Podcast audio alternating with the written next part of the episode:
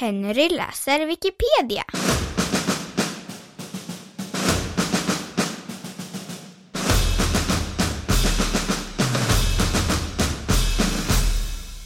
Rolex.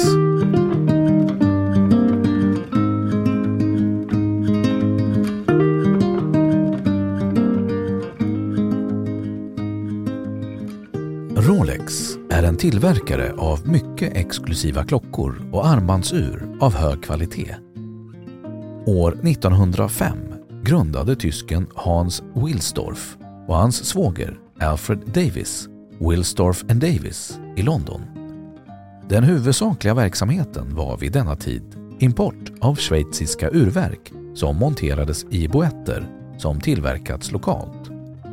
Från början såldes dessa tidiga armbandsur till juvelare som sedan satte sitt eget namn på urtavlan innan de såldes. De första uren från Wilsdorf och Davis var vanligen märkta W och D på boettens baksida.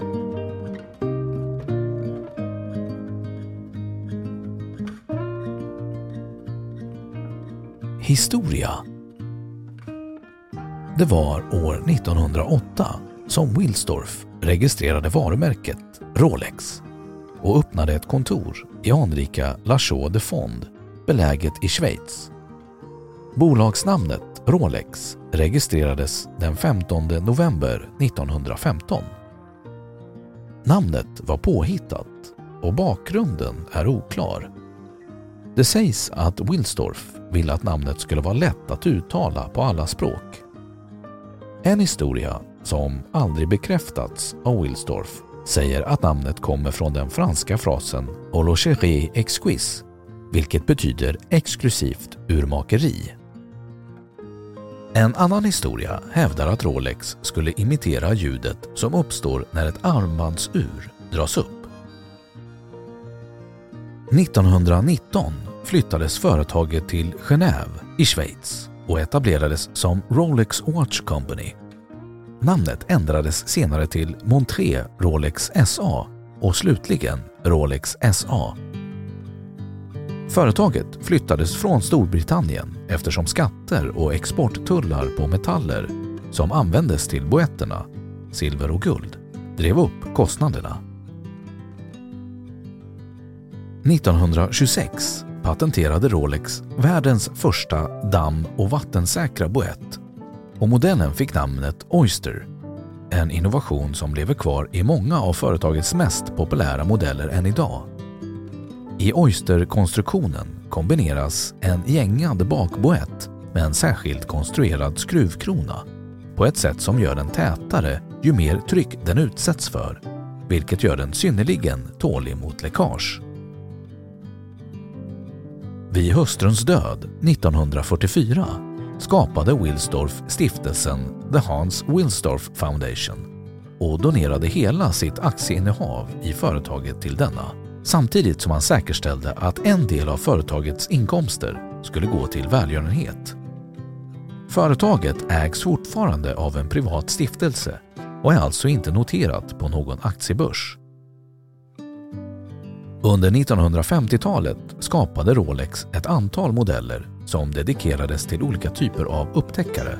Bland annat modeller Explorer som bars av Tenzing Norgay och Sir Edmund Hillary då de besteg Mount Everest. Modellen namngavs dock först i efterhand. GMT Master skapades åt det transatlantiska flygbolaget Pan Ams piloter som hade behov av att kunna se två tidszoner på klockan. Rolex har sedan början varit ett exklusivt klockmärke men den verkliga prisstegringen som lett fram till dagens läge skedde från omkring 1970 till slutet av 1990-talet då priset för de vanligaste modellerna mångdubblades. Som exempel kan nämnas att en Rolex Air King år 1977 kostade 295 dollar. Knappt 20 år senare fick man för samma modell betala 2200 dollar. Om prisutvecklingen endast följt inflationen skulle priset varit kring 780 dollar.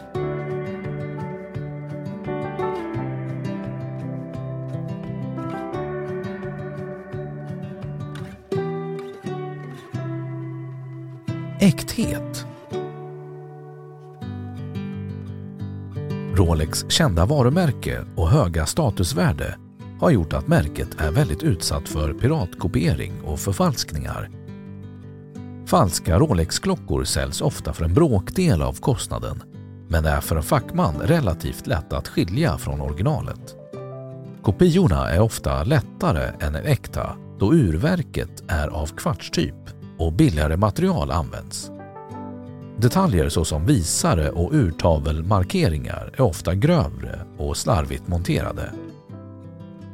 Ett av de mest säkra tecknen som används för att verifiera en Rolex-klocka är dess ingraverade serienummer. Detta nummer kan härledas tillbaka till produktionen och hela vägen till vilken enskild butik som sålt klockan. Länge kunde serienumret användas för att utläsa produktionsår. En Rolex vars serienummer börjar på K är till exempel tillverkad mellan 2001 och 2003. Men sedan 2010 är serienumret en slumpmässig kombination av bokstäver och siffror där begynnelsebokstaven inte har någon särskild betydelse. Då har Wikipedia sagt sitt om Rolex.